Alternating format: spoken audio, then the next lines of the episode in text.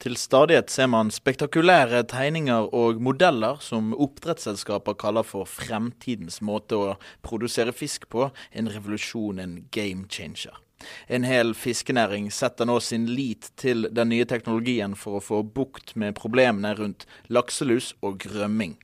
Men hva er alle disse tegningene, og hvorfor har det kommet så mange av dem de siste årene? Oppdrettslaks er oppfostring av laks hvor fisker holdes i bur under vann i merder. I disse merdene lever laksen tett, noe som da øker sjansen for at sykdom sprer seg fort. Det er nemlig to spøkelser som henger over oppdrettsmerdene, lakselus og rømming. Lakselusen er en parasitt som gjør fiskene sårbare for infeksjoner. Fisker kan dø av skadene hvis de blir infisert av for mange lus. Rømming kan føre til at arter som eh, ikke hører hjemme i en fjord, kommer dit og tuller med økosystemet. I tillegg kan de bære med seg denne lakselusen og spre den videre.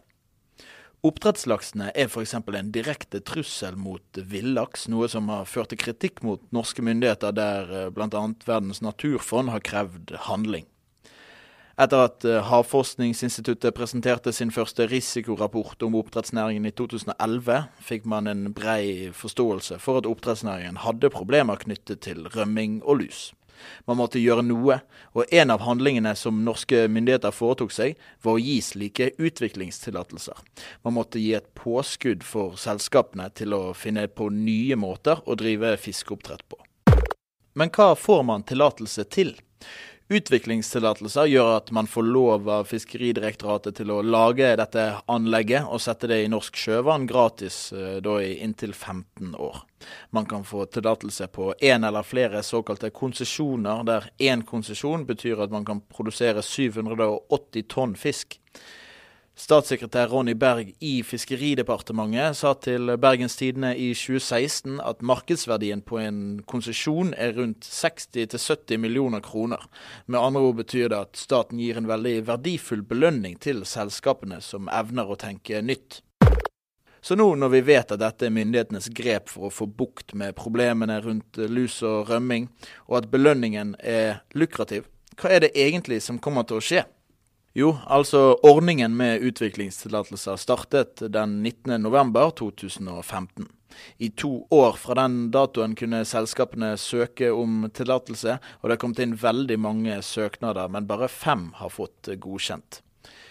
Det mest omtalte er kanskje Marine Harvest sitt såkalte egg, en lukket merd som ser ut som ja, et egg. Konseptet er da at fisken skal svømme inni dette egget og ikke kan rømme ut av det. I tillegg kan man samle opp avfallet i bunnen av det, og bruke avfallet da som biobrensel for en annen ny teknologi. Fortsatt ligger 68 søknader til behandling, og det er ventet at Fiskeridirektoratet først i 2019 vil bli ferdig med behandlingen av alle. Så bedre fisk, flere fisk, ny teknologi og fortsatt vekst, det høres jo unektelig veldig bra ut. Men hva er haken her?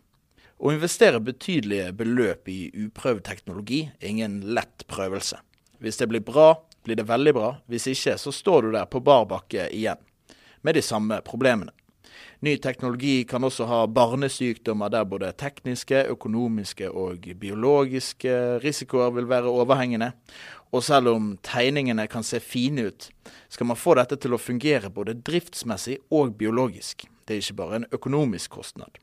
Premien, og grunnen til at myndighetene stiller opp med gratis konsesjoner, er at hvis man lykkes, vil hele havbruksnæringen tjene på at noen tester ut teknologiske påfunn som en løsning på problemene.